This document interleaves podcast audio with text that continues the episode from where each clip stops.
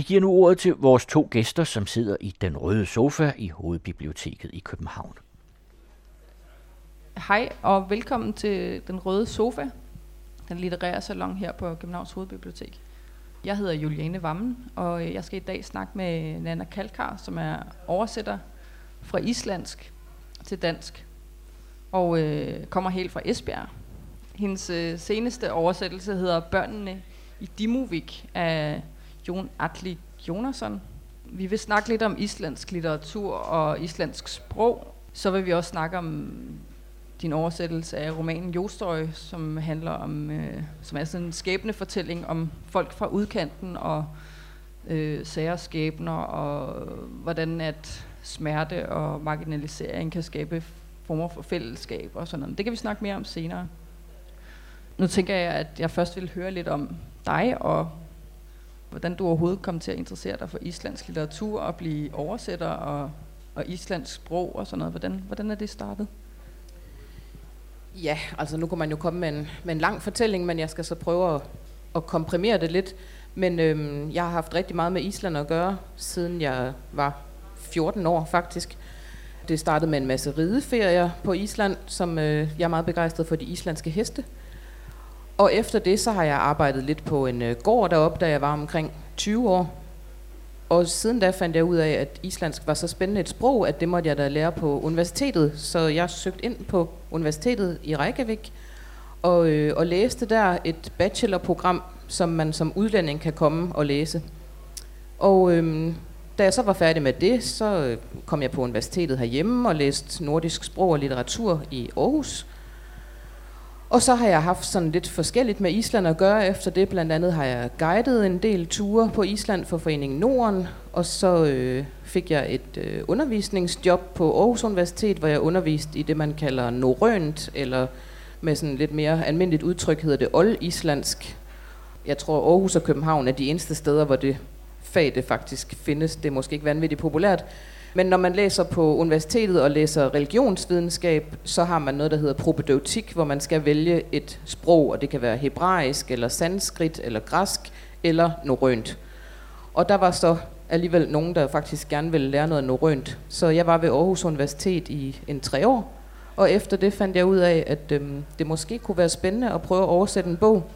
Så jeg prøvede sådan langsomt at komme ind i branchen ved at sende de der berømte uopfordrede ansøgninger, hvor man øh, plager folk om, om der, der ikke er et eller andet, de vil, de vil prøve at give en at lave. Og det lykkedes så til sidst i 2011, fik jeg opgaven med denne her Josøj, som står her på bordet. Og så var den færdig i 2012 og udkom i sommeren 12. Og så øh, har det ligesom bare taget fart derefter, både for mit eget vedkommende med, at jeg synes, at det var interessant og ville gerne blive ved, og at jeg også øh, løbende fik nogle flere opgaver og, og ligesom havde fået, fået foden indenfor. Så det er jo ofte sådan, det starter med den slags job, at man ligesom må lære nogen at kende og skabe sig et netværk. Det tager lidt tid, men, men nu synes jeg, jeg er godt inde i det. Ja, det lyder meget øh, velkendt i forhold til, hvordan man kommer ind i den branche. Men øh, det lyder også meget spændende med hele øh, det islandske, altså sådan i forhold til, hvordan hvordan du kom ind i det. Øhm, jeg tænker sådan, jeg er, ikke, jeg er ikke så meget hjemme i islandsk litteratur. Hvad er det særlige ved det, hvis der er noget særligt ved det? Ja, altså man vil jo nok altid gerne sige, at der er noget særligt ved den litteratur, man selv oversætter, og det synes jeg også, der, der er god grobund for med hensyn til det islandske. Altså det, som islandsk litteratur, set fra mit synspunkt i hvert fald kan, det er, at den kan øh, formå at være meget dramatisk i sine billedskabninger, fordi der altid i Islands litteratur er sådan et meget, meget nært forhold med naturen. Og, øh, og hvis der er nogen, der har rejst på Island, så vil de også vide, at landskaberne er meget dramatiske, og at øh, når man læser historier fra Island, så er naturen næsten altid en, en meget fast del af det. Den kan selvfølgelig spille større eller mindre rolle, men men det er altid øh, et samspil mellem menneske og natur, som ofte er et, øh, et tema igennem bøgerne, og om ikke andet, så ligger det i hvert fald som sådan et baggrundstæppe. Og Island er jo et, et helt andet landskab, end vi kender til herhjemme, så det virker måske også mere dramatisk, når man kommer fra Danmark og ikke kender til alle de her vulkaner og varme kilder og store vandfald og gletsjer og sådan noget. Så på den måde fascinerede det mig som, øh, som ung, og, øh, og det gør det så stadig nu i, i litteraturen. Så jeg synes, islandsk litteratur kan skabe nogle meget øh, menneskelige fortællinger, som ligesom tager udgangspunkt i naturen og samspillet med, med mennesket. Så det er det, jeg sådan umiddelbart for at gøre det helt kort, synes er, er det, der er det mest, hvad skal man sige, det mest centrale. Ja. Er, det, er, der, er, der, er der stor fokus på sådan den litterære arv, også fra, øh, fra sagagerne og sådan noget, som måske er det, som folk kender bedst?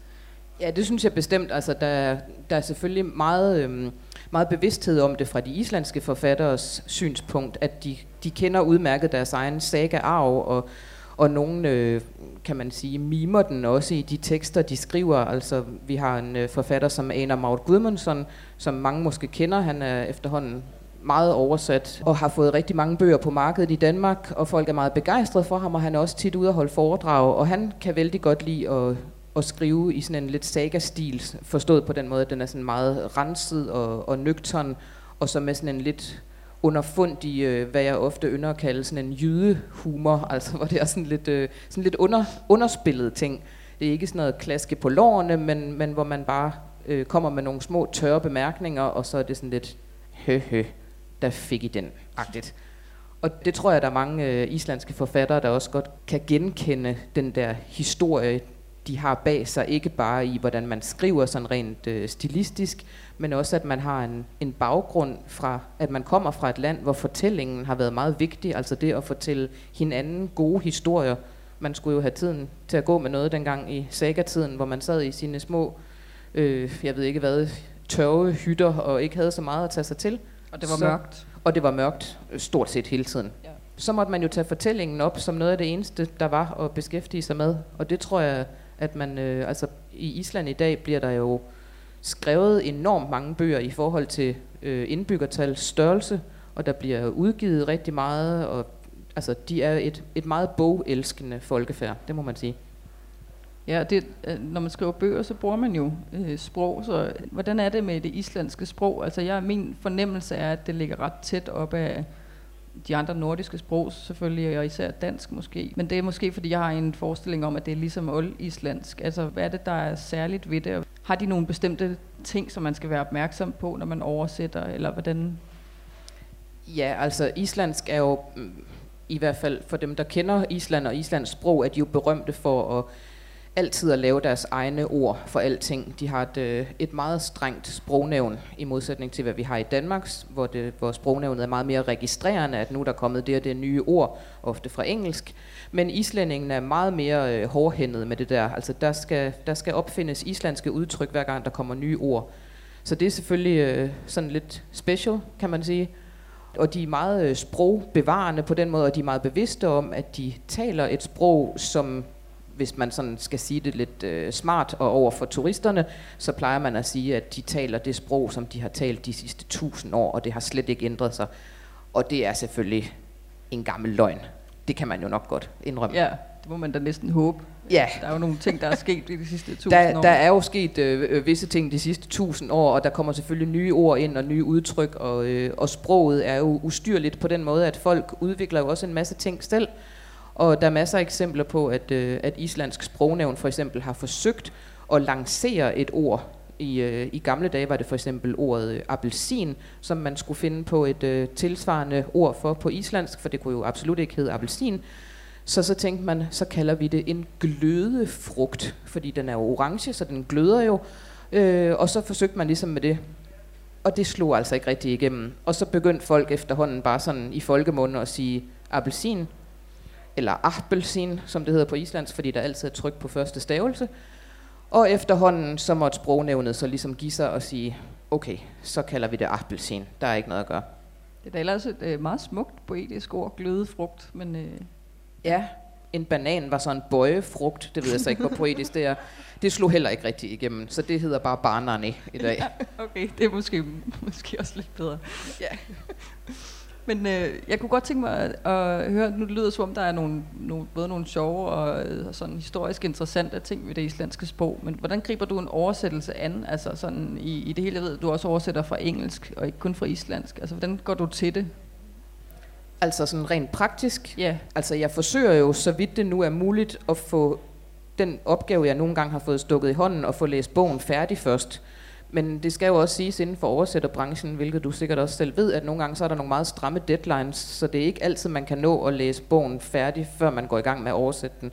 Men det er selvfølgelig klart en fordel, at man har det der overblik fra start til slut. Øh, ikke bare sådan handlingsmæssigt, men også øh, for sprogets skyld. Men altså, jeg forsøger at få den læst færdig først, og så er jeg måske, jeg ved det ikke, en af dem, der er sådan lidt gammeldags, at jeg har meget brug for at have en papirudgave af bogen, stående på et lille, øh, helt analogt øh, læsestativ, og så kan jeg sidde og kigge på den, og så kan jeg skrive på min skrivemaskine. Nej, det gør jeg så ikke. Sidder jeg og skriver på min computer, og så skriver jeg sådan set derudaf ret meget øh, fra start til slut, uden egentlig at gå så meget tilbage. Altså en gang imellem kigger man selvfølgelig lige, hvad var det, jeg skrev for to sider siden, men, men jeg sidder ikke og retter ret meget sådan bagud. Det gør jeg først, når jeg er færdig. Når jeg er helt færdig med bogen og har sat sidste punktum, så går jeg tilbage og læser det igennem igen og, og gennemskriver nogle af tingene en gang til, fordi man, når man ligesom er nået til slutningen af bogen, så opdager man, at der måske var nogle ting, som ikke lød så godt, så det må man lige ind og ændre. Men så rent praktisk kører det meget sådan fra A til B, og så tilbage til A, og hen til B, og så er det færdigt. Ja, det lyder meget velkendt. Er det lige meget, hvad det er for en genre, du oversætter, øh, eller, eller er der forskellige måder at gribe det an? Er det ikke rigtigt, du også oversat øh, noget dramatik? Og sådan? Jo, jo, det har jeg. Og øhm, altså, dramatik er jo sprogligt helt anderledes, kan man sige. Der skal man virkelig tænke i, at det her det er nogle ord, der skal siges højt. Og det kan man godt mærke, at det gør noget ved ens oversættelse, at man hele tiden forsøger at sidde og sige teksterne ind i hovedet, og, og hvordan vil du nu lyde, hvis den her person siger sådan, og den anden svarer sådan. Og når man så læser det højt nogle gange, så kan man godt høre, at det lyder helt åndssvagt. Der er ingen, der, der siger sådan her i daglig tale, så, så må jeg tilbage og ændre det. Men ellers er det ret meget samme procedure for mit vedkommende i hvert fald, når jeg går i gang med det. Er der, er der sådan en særlig litteratur, som du bedst kan lide at oversætte eller, eller, eller læse i det hele taget? Jeg går ud fra, at hvis, hvis du har det ligesom mig, så er det, så er det nogle gange lidt det samme, at det man godt kan lide at læse, også det der er sjovest at oversætte. Ja, det er klart. Ja. Altså, selvfølgelig har man nogle foretrukne ting, uden at man jo dermed som oversætter desværre kan vælge. Altså, det er jo meget sjældent, at man kan vælge sine egne opgaver. Man kan bare prøve at skubbe lidt øh, i den retning nogle gange, hvis man har kontakt med et forlag og måske foreslå en bog, man synes er god. Men ellers må man jo tage, hvad der kommer. Men jeg har været meget heldig med dem. Jeg har fået, fordi at jeg er meget tilhænger af bøger, som ligesom øh, Josøj her, har et eller andet eksistentielt niveau og en eller anden dybde og, og handler om mennesker og deres eksistens og hvordan de, de klarer sig i verden og hvordan de agerer i forhold til hinanden. Og det synes jeg er, er interessant. Og så kan jeg godt lide noget, hvor sproget er spændende, hvor der er sådan anderledes billeder og godt billedsprog, gode sætninger, hvor sproget kan få lov at, at folde sig ud, så der også er noget for mig som oversætter og at ligesom blive udfordret med. Og den anden type bøger, jeg har fundet ud af, jeg godt kan lide, jeg er jo stadig i sådan en proces, hvor jeg får mange forskellige bøger og finder ud af, hvad jeg synes er, er sjovt.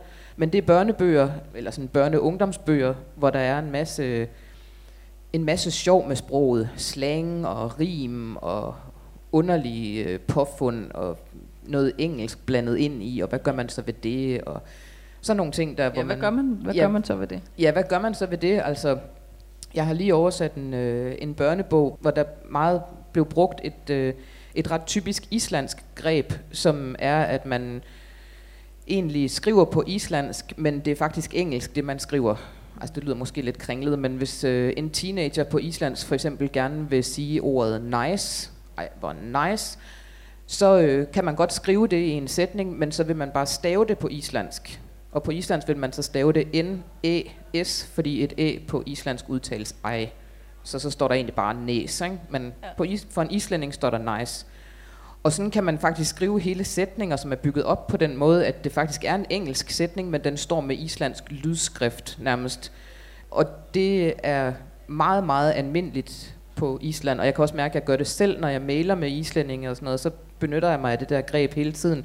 Men jeg måtte jo indse, at, øh, at det fungerer ikke på dansk. Altså, vi har ikke tradition for det i Danmark, og det ser bare utrolig fjollet ud, hvis jeg prøver at skrive engelske ord med danske bogstaver.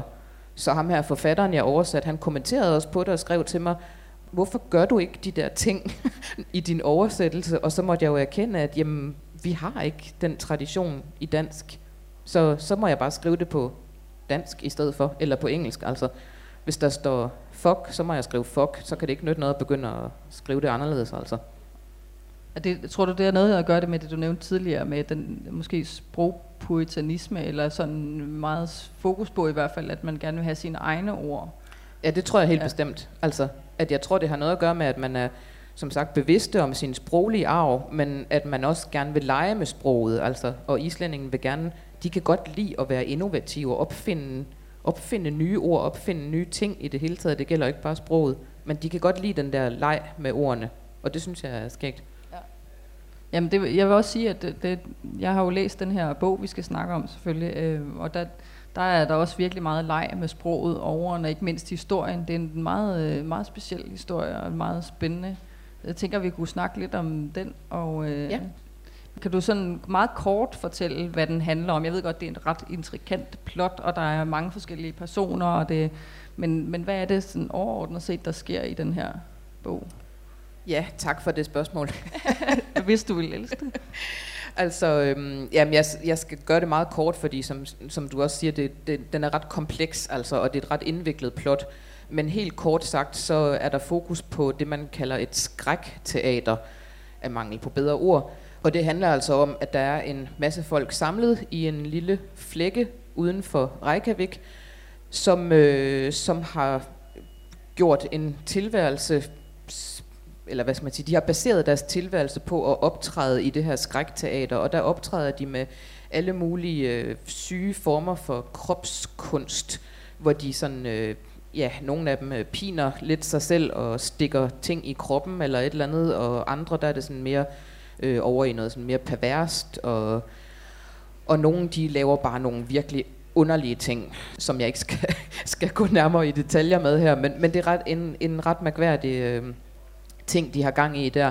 Og det, der så er plottet kort fortalt, det er, at der kommer en mand udefra, som altså ikke har noget med det her skrækteater at gøre, men han er sendt ud for at observere de her mennesker som sådan en form for eksperiment. Og det ender så selvfølgelig med, at han jo ikke bare kan være observatør, han bliver involveret i øh, skrækteatret og i de personer, der er der, og finder ud af, at al den her smerte, de påfører sig selv, at den måske egentlig stammer fra en smerte, de har indeni, som de egentlig gerne vil slippe af med, og som måske faktisk ikke er så ukendt for, for os som læsere. Altså det handler jo meget om sådan en smerte ved at være ensom, eller usikker, eller uelsket, eller hvad det nu kan være. I det hele taget, sådan, nu hvor temaet for dagens samtale er udkant, så handler det jo sådan meget om det der med at være marginaliseret, være på kanten af samfundet, stå udenfor, være anderledes, og være en freak et eller andet sted som på islandsk vil skrives F-R-I-K, freak. så så øh, på den måde udfolder der sig så den her øh, mærkværdige historie med, med de her personer, som måske egentlig ikke er så underlige, når det kommer til stykket. Det er bare noget underlig kropskunst, de udfører. Men det bliver også en meget rørende historie om forholdet mellem mennesker. Hvordan reagerer vi, når andre mennesker påfører sig selv smerte? Kan vi hjælpe dem ud af det? Vil de overhovedet hjælpes ud af det? Og hvorfor er det, at de har den der drivkraft mod at vil påføre sig selv smerte? Det er jo sådan et af, af hovedspørgsmålene i bogen. Ja, hvorfor, hvorfor er der nogen, der kommer for at se det, tænker jeg også. Det er jo yeah. i, i bogen, der betaler folk jo mange tusind kroner for at komme til de her forestillinger, hvor ja, folk gør nogle meget smertefulde og ubehagelige ting med hinanden. Der er også en dame, som er fuldstændig silikone oppumpet, og som bare ligesom sådan er sådan, ja, en freak, som du siger. Ja.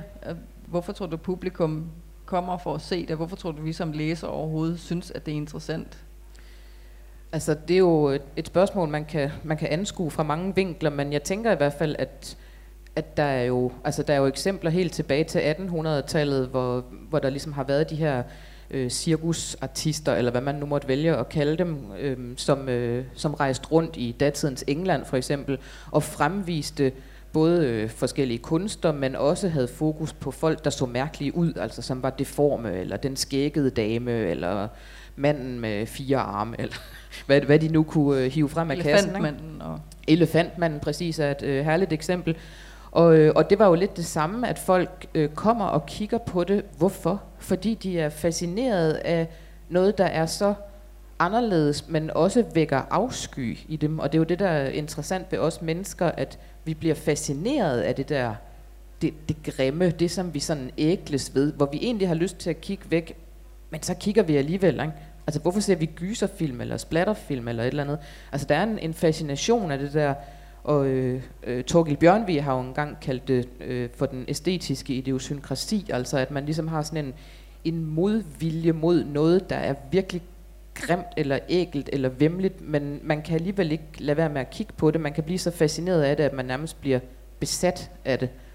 Og det tror jeg også meget gør sig gældende i Josøj, at de mennesker, der betaler så mange penge for at komme ind og se på de her underlige kropskunstnere, at de måske dels er fascineret af sådan selve uhyggen ved det, at det er sådan en skrækblandet fascination, ikke? at øh, man har næsten ikke lyst til at kigge på det, men så alligevel vil man gerne.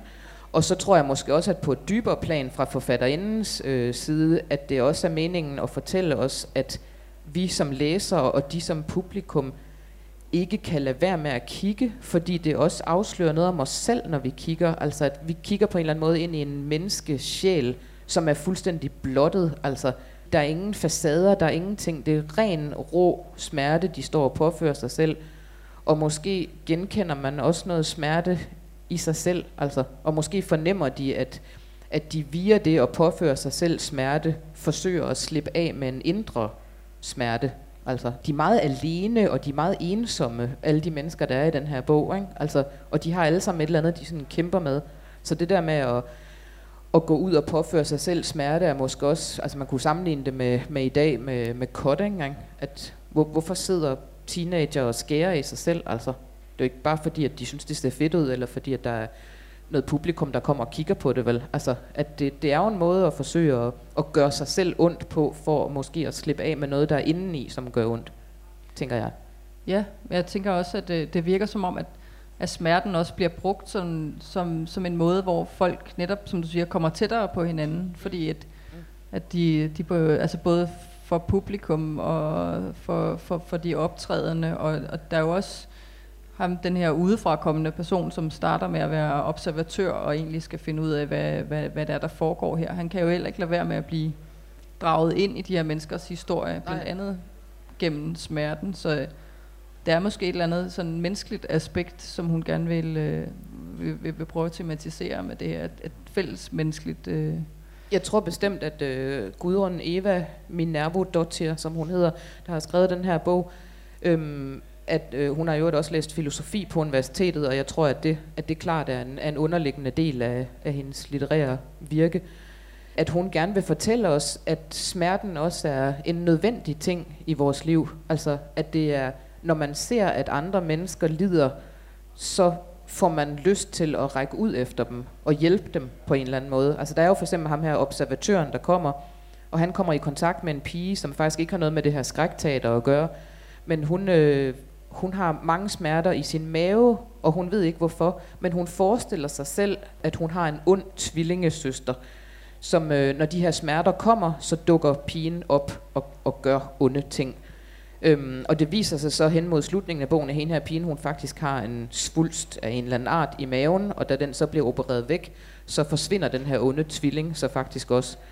Men øh, ham her observatøren, han, han kommer ligesom i kontakt med pigen og vil gerne hjælpe hende, og på en eller anden måde, så menneskeliggør de hinanden meget, fordi han er også et ensomt menneske. Og de får en eller anden kontakt sammen. Så jeg tror, at, at øh, sådan den overordnede pointe, det er, at, at det er gennem smerten, at vi ligesom rækker ud efter hinanden og hjælper hinanden og bliver medmenneskelige. Ja, og så er der også en, en karakter i bogen, som på et helt andet plotniveau, som vi måske ikke skal komme alt for meget ind på, men som som er med i en konkurrence, hvor præmien viser sig at være, at man kan få bortopereret følelsen af smerte og skam og uro. Og øh, der sætter forfatterinde, så vidt jeg kan se, også spørgsmålstegn ved, om hvorvidt kan man det og stadig være et menneske, og de taler om, at det er ligesom at, at øh, få sin uskyld tilbage, men, men det er en uskyld, som måske ikke rigtig øh, kan bruges til, til noget, fordi man har et helt voksent menneskes levede liv, og man lige pludselig uden den her skam heller ikke har empati med andre mennesker. Og hvad, ja, er, ja. Hvad, ja. Altså det er jo et interessant tankeeksperiment, kan man sige, og jeg tror også, det er derfor, hun lader den her person, som, som bærer den franske titel, Madame, hun har en eller anden vanvidsagtig idé om, at hun skal vinde en bestemt konkurrence, fordi så kan hun ligesom, som du siger, få bortopereret man kan få en eller anden operation, altså det, I kan høre, det er en meget fantasifuld bog, ikke? men man kan få en, øh, en operation, som ligesom fjerner al form for, for uro, smerte, usikkerhed, ensomhed, angst, alt hvad vi kan øh, komme til at tænke på, altså nogle ubehagelige ting, øh, som jo også øh, hører eksistensen til, og som jo på mange måder er et grundvilkår i menneskelivet. Og så er det store spørgsmål jo så til sidst, at man tænker, hmm, hvis man nu kunne det, hvis man nu virkelig kunne sætte en stopper for alle de følelser, vil det så være det værd?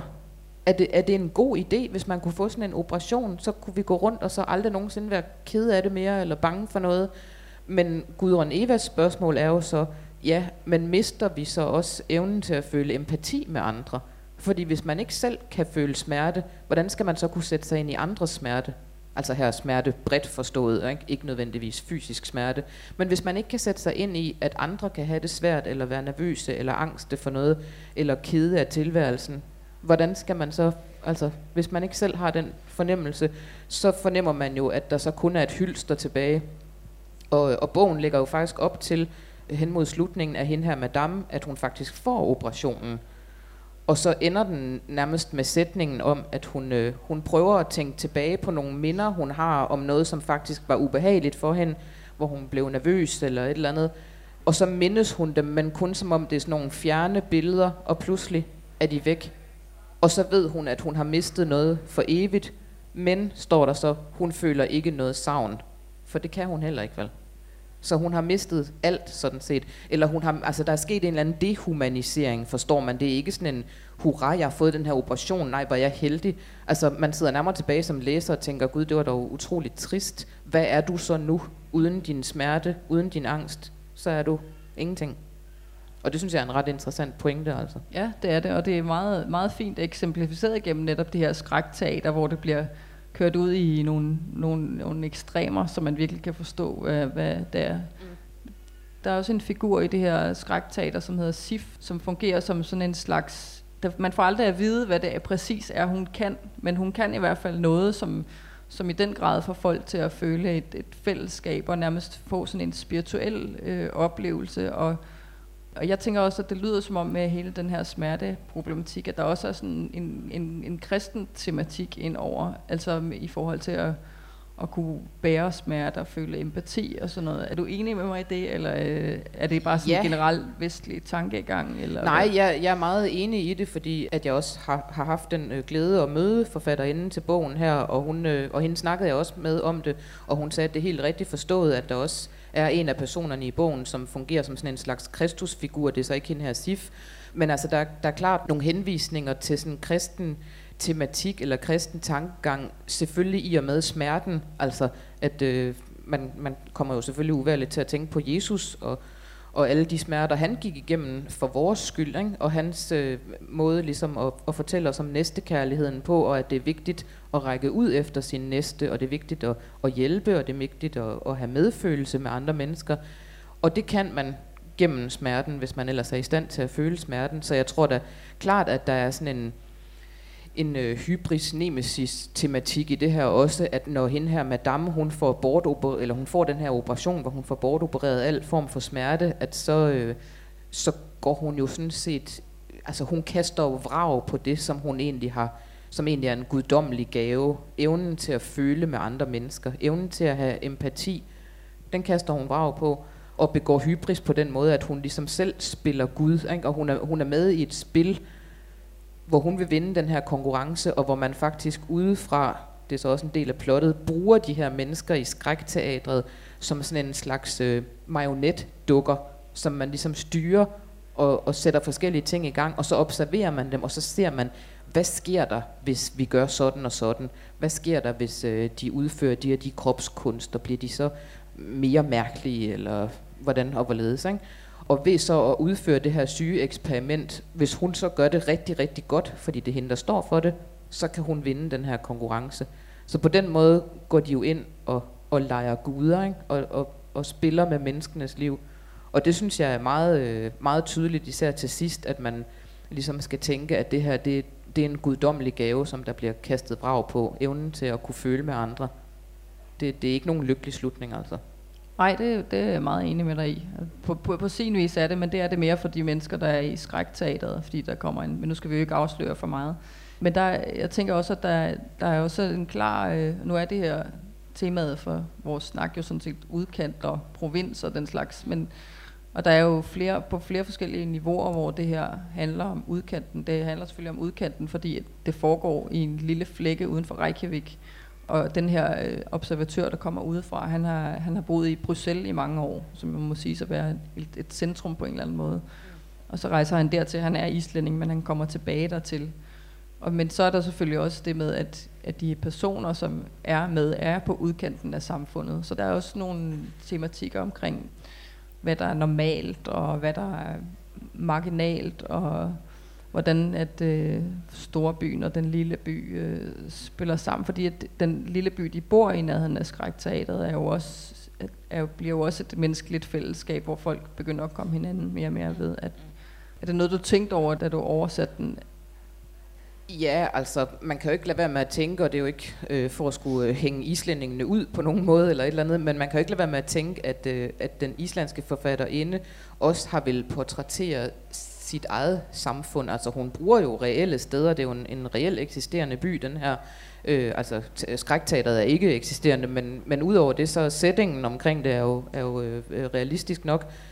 Og der kan man jo sige, at hvis man kigger på, hvordan Island og islændingene er i dag, så er de jo også, altså det er jo en lille ø ude i Atlanten, det er det man altid hører, ikke? den ligger deroppe helt ensom og, og vindomsust, og, så den er jo også sådan på mange måder blevet marginaliseret, når, når man taler om Island, men jeg vil da sige, at i løbet af de sidste 10-15 år, er der da også sket en kæmpe forandring for islændingene selv, Altså at de har følt sig meget marginaliseret, og de, der er mange af de islandske forfattere, der også snakker om, at islændingene har et kæmpe mindreværdskompleks. For eksempel har de aldrig nogensinde vundet i Melodi Grand Prix, og det irriterer dem voldsomt, fordi det er noget, de går utrolig meget op i af en eller anden grund. Hvert år, når der er Melodi Grand Prix, så ligger gaderne øde, og jeg mener virkelig øde, men de har aldrig vundet, og det er meget irriterende. Og det kan de næsten ikke holde ud, vel, fordi de vil gerne være de bedste til alt. Og ja, man kunne jo se det sidst med, med den her fodboldkamp og deres øh, vikingeklap over hovedet og sådan noget, at, øh, at det er noget, de går meget op i, og de er meget stolte af deres land. Og faktisk har de så også formået på det sidste at i stedet for bare at være sådan nogle freaks, der sidder ude øh, i Atlanterhavet et eller andet sted på en øde ø, så har de jo formået at promovere Island som sådan et, altså i stedet for at være freaket, så er det bare blevet cool. Altså Island er super cool, ikke? Og alle de der ting, som egentlig er totalt freaket og, og virkelig øh, ulækker mad og sådan noget, de spiser, ikke? som vi bare tænker, fy for pågang. Men, men det er jo også blevet lanceret som sådan noget, ej, så er det helt vildt sejt at tage til Island og vandre på en gletscher, og bagefter så kommer man ned, og så spiser man øh, noget gammel råden hej, som øh, nogen har stået og tisset på øh, igennem tre måneder ude fra en møding eller et eller andet. Er det, er det rigtigt? Ja, stort set. Altså, de er meget, de er meget glade for råden hej. Øhm, og, øh, og fermenterede fortestikler og andre ting og sådan noget. Ikke? Så, så man har ligesom taget de der sådan gamle bunde kulturting, altså fra dengang landet kun bestod af fiskere og foreavlere og, og andre sådan øh, ensomme, mærkværdige eksistenser, der boede spredt rundt omkring på den her store ø. Og så har man formået ligesom at føre det op til nutiden og fortælle folk, at det er helt vildt sejt. Og det, der, det er da ret, øh, ret godt klaret i sig selv. Ikke? og turismen boomer, og, og de kan næsten ikke holde styr på alle de mennesker, der kommer derop og skal se alle vandfaldene, og alle vulkanerne, og bade i de varme kilder, og det ene og det andet. Altså, så på den måde kan man sige, at, at et marginaliseret land, hvis man må have lov at, at tage hele landet med i den sammenhæng, har, har formået at flytte sig selv ind i, i indkanten, i stedet for at være ude i udkanten. Det synes jeg egentlig er meget godt klaret. Ja, det, man må sige, det, de har virkelig formået at bruge de kvaliteter, det har. Og der er måske også noget, sådan apropos romanen, med at, at folk fra andre lande kan godt lide at komme og se noget, der er så, så sært. Freaket. Ja, undskyld mig, men, men i hvert fald meget anderledes end mange andre steder. Både som du også startede med at sige med naturen, som jo virkelig er noget meget specielt, har jeg forstået. Og måske også den isolation, som har skabt en, det var i hvert fald skabt en meget stærk litterær kultur, og måske også øh, inden for andre områder og sådan noget. Så øh, vil jeg tænke, at jeg vil vende lidt tilbage til sådan selve det at oversætte den her roman, fordi at det lyder jo som om, at der er virkelig mange forskellige niveauer af den, som man skal tænke med ind? Altså, kan du sige noget om, hvad har været de største udfordringer ved at, ved at oversætte Josøj? Ja, altså jeg synes altid, det er svært at blive spurgt om det der med, hvad udfordringerne har været ved at oversætte en bog. Jamen hele bogen var en udfordring. Altså, men det er klart, at sådan, som, altså overordnet set, så, øh, så er den en udfordring, fordi at hendes tankeverden er så mærkværdig, og hun øh, bruger så mange billeder, altså som ikke umiddelbart virker genkendelige fra den almindelige litteratur i gåseøjne. Ikke? Og der har, der har der også været passager, hvor jeg har tænkt, det var da noget underligt noget det her, men så har jeg ligesom læst det flere gange, og når jeg så har læst hele bogen igennem, så kan jeg bedre leve mig ind i det der univers. Og det tror jeg, at det, altså som oversætter, er jeg 100% overbevist om, at det kræver, at man lever sig ind i bogens univers. Ellers så kan du simpelthen ikke lave en god oversættelse. Hvis du hele tiden sidder og har sådan en, en distance til den og tænker, det er da noget sært, noget med det der skrækteater, fy for pokker, det kan jeg da slet ikke lide, altså. Så, så bliver det ikke nogen god oversættelse. Du er nødt til at kunne leve dig ind i den tankeverden, og, og når hende der pigen øh, ser sin onde tvilling gå rundt, og samtidig har enormt ondt i maven og sådan noget, så kræver det jo, at man som oversætter skal kunne viderebringe det univers til en læser, så du også forstår det, og kan leve dig ind i, hvad er det her for noget underligt noget, ikke? Så jeg tror, at det, altså udfordringen med, med sære bøger ligger jo i at, at leve sig så meget ind i det univers, at man faktisk er fuldstændig med på, hvad hun snakker om, og ikke, ikke forholder sig distanceret til det. Jamen det synes jeg, du har klaret virkelig godt. Altså jeg sad, da jeg læste den, der blev jeg, nogle gange så tog jeg mig, og jeg tænkte, det er ikke alene fuldstændig urealistisk, det er også enormt ubehageligt noget af det og sådan noget, men det går, det går virkelig under huden, og man tænker ikke man bliver nødt til at reflektere en ekstra gang for at komme i tanke om, at, hvor underligt det egentlig er, og hvor urealistisk noget af det er. Og der er også sådan helt elementært, nærmest sådan lidt krimiagtigt plot, med, med, med hemmelige selskaber og alt muligt forskelligt, som hvis man fortalte om det i et handlingsreferat, måske ville vi lyde sådan lidt søgt, men det fungerer virkelig, virkelig godt. Og det er da ikke mindst din fortjeneste også. Der er mange personer at finde rundt i, kan man sige, i den bog der er enormt mange navne og altså, underlige ting, der vikler sig ind i hinanden, men jeg synes, hun formår at skrive det, altså nu har hun så også lavet det så fikst, det sad vi lige og snakkede om, inden vi gik i gang med interviewet her, at, øh, at hvert kapitel har en overskrift, som består af en eller flere sætninger endda, som ligesom forklarer kapitel 1, hvor i der sker sådan og sådan og sådan. Og det, det er faktisk et meget, øh, meget fedt greb. Altså et eller andet sted er det sådan lidt gammeldags. Altså som jeg sagde til dig, så jeg kommer til at tænke på Peter Plys. Det er sådan der, jeg kender det der øh, greb fra. Men, men det fungerer godt, som du også sagde, at man egentlig får at vide fra starten, hvad kapitlet handler om, og der bliver også nogle gange afsløret nogle ting i den overskrift. Men det er en skæg måde at læse på, at man egentlig godt ved, hvad der skal ske, men nu skal vi så se det udfolde sig. Men måske gør det også, at man, at man bedre forstår universet. Det skal jeg ikke kunne svare på. Man er, man er måske i hvert fald ikke så drevet af den der idé om, at, man, at det hele tiden skal være enormt spændende, og man hele tiden skal sidde ude på kanten, fordi det er det faktisk. Men det, at man ved det, der giver jo også en den der sådan lidt, uh, jeg ved noget, som de her personer ikke ved. Og lige Præcis. om lidt, så sker ja. der noget dramatisk, og lige om lidt, så gør de det, og sådan noget. Det synes jeg faktisk er... Ja, og det ødelægger ikke plottet. Altså, det holder spændingen lige til sidst, og, og vil give dig ret i, at det, det er et lidt krimiagtigt plot, fordi man er, man er usikker på, hvad det egentlig er, der foregår. Altså, og, og hvem der gør hvad mod hvem, og, og hvordan skal alt det her ende, er nok den, man sidder med de sidste 200 sider i hvert fald, og tænker, det går aldrig godt det her.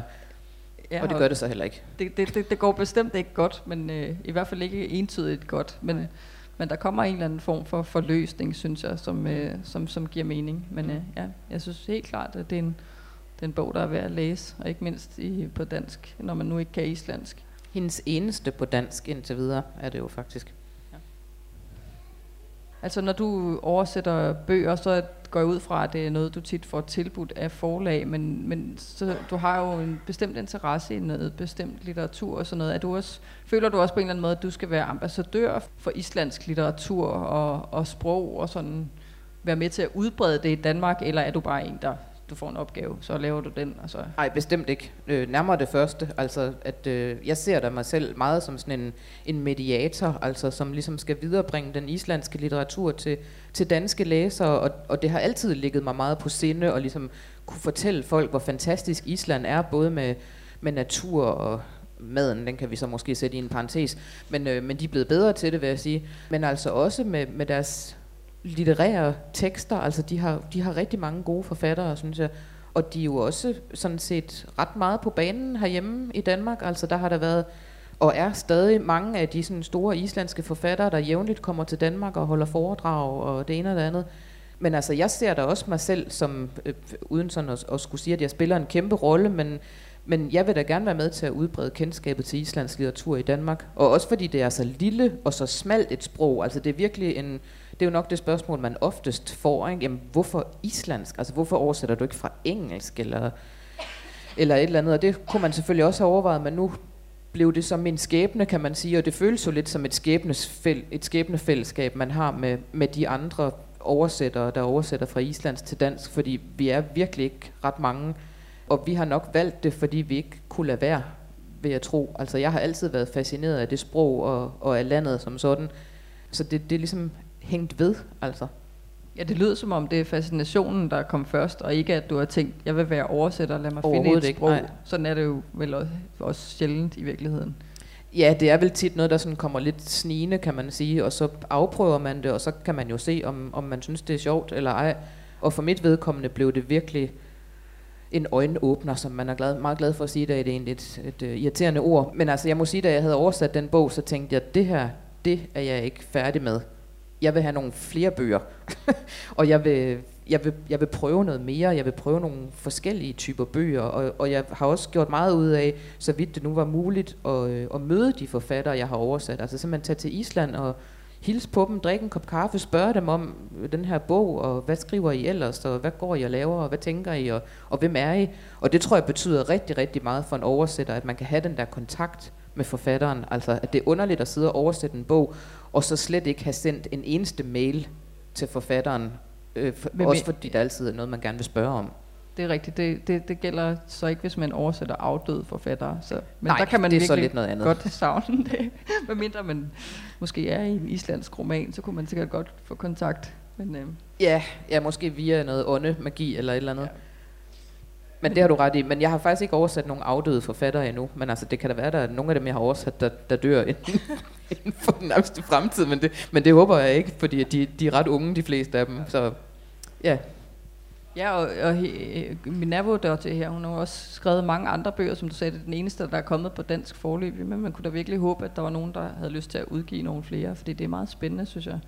Du siger, at man føler sig lidt som, at man har et skæbnefællesskab med de andre islandsk oversættere i, i Danmark. Er det sådan, at, at der er et decideret netværk, eller sådan et eller andet formaliseret, eller er det mere sådan, at man ved bare, hvem de er? Og nu kommer du fra Esbjerg, fik jeg vist sagt.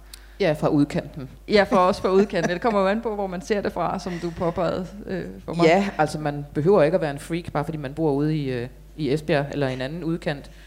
Men altså nej, der er, jeg synes ikke, der er noget decideret netværk for, for islandske oversættere. Der er jo et, øh, et dansk oversætterforbund, hvor igennem man kan få nogle kontakter og, og skrive til folk, men, men decideret for islandske oversættere kender jeg ikke til i hvert fald. Så har de en, en hemmelig klub, som jeg ikke er blevet inviteret med i endnu. Men altså det er klart, at, at det er jo selvfølgelig altid interessant at, at kunne tale med nogle fagkolleger, så det kunne jeg da godt tænke mig at, at gøre mere af i fremtiden. Men jeg, jeg tænker faktisk, om, om du har en anden, ud over den her fantastiske Josøj, om, om der er en anden øh, islandsk bog, du kunne have lyst til at anbefale sådan her til sidst. Det bør ikke være en, du selv har oversat, men, men sådan i det hele taget. Det er men jo, det må det, det gerne. Det må meget gerne være en, du selv har oversat. altså, jeg vil faktisk gerne anbefale en, øh, en kæmpe murstensroman, som hedder Ondskab. Det er nemt at huske.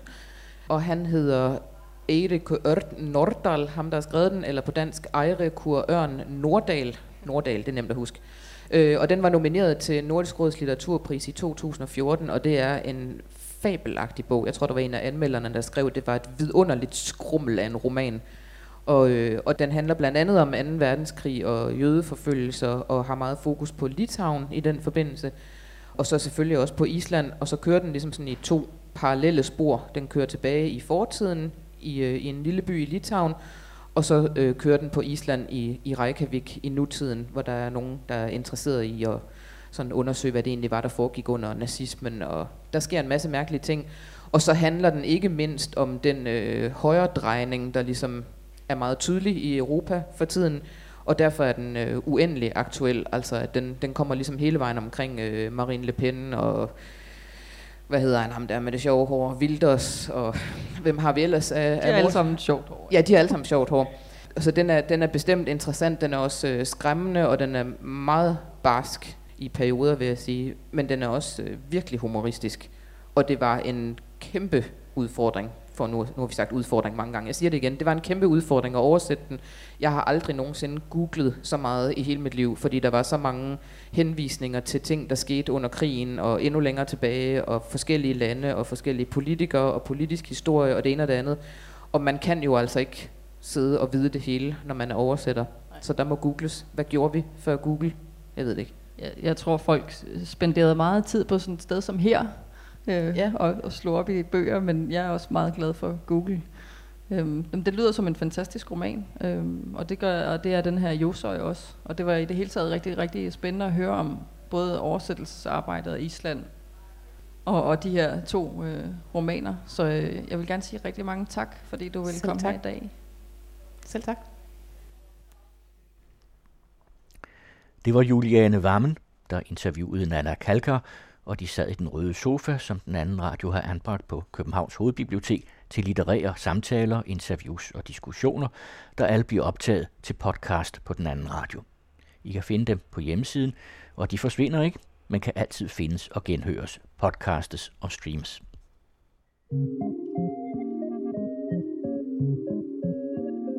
Den anden radio.